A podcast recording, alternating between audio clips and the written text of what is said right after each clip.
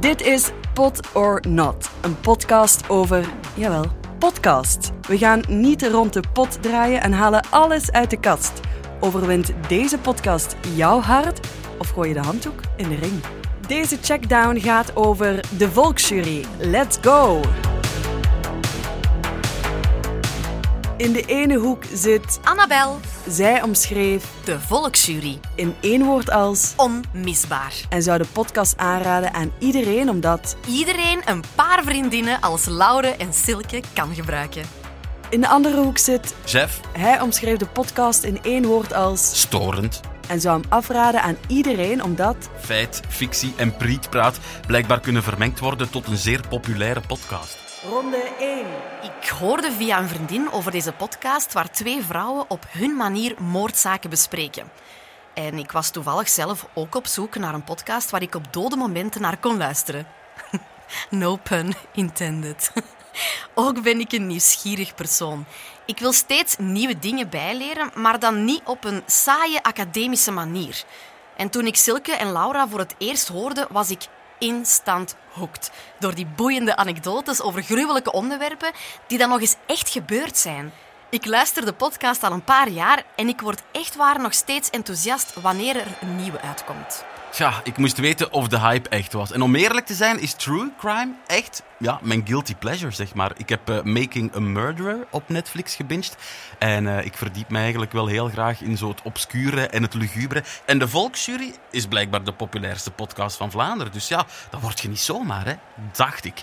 Nu weet ik ook wel dat kwaliteit en populariteit niet recht evenredig verdeeld is. En jammer genoeg kostte het mij toch wel enkele afleveringen en uren om dat eh, te beseffen.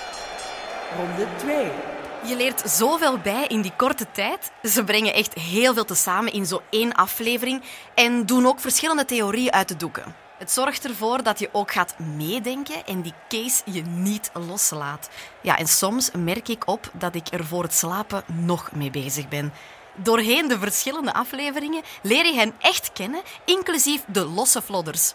Top entertainment. Ja, hoe zij praten over menselijk lijden en moorden is echt ordinair ramptoerisme. Al giechelend hierover praten is echt ongepast. Ongepaster dan een democratische regering in Rusland bijna. Maar eh, ik sta hier blijkbaar nogal alleen in als je hoort hoeveel mensen er naar luisteren. Maar ja, populariteit zegt niet alles. BV-darts wordt blijkbaar ook door duizenden Vlamingen bekeken. Laatste ronde Wanneer er bij serieuze onderwerpen gegiecheld wordt, dan ben ik ja, toch wel lichtjes geïrriteerd. Maar wat mij vooral stoorde, is dat bij het bespreken van serieuze onderwerpen feiten worden verzonnen. Toen was het echt genoeg en heb ik hem afgezet. Zulk gebrek aan bronnen checken, compenseren met eigen creativiteit, eh, dat was voor mij echt een dealbreaker. De enige moordzaak die deze dames van mij nog mogen behandelen, is deze op de goede podcast smaak. Ik denk dat ik ze ondertussen bijna allemaal heb geluisterd. Ja, dat zegt genoeg. Dit is top entertainment voor iedereen die graag wil ontspannen en, en bijleren. Ik ben helemaal fan van die stijl van vertellen, de mopjes tussendoor, de losse flodders. Maar bovenal de dynamiek van die twee goede vriendinnen. Doe zo verder, meisjes. Beste podcast ooit.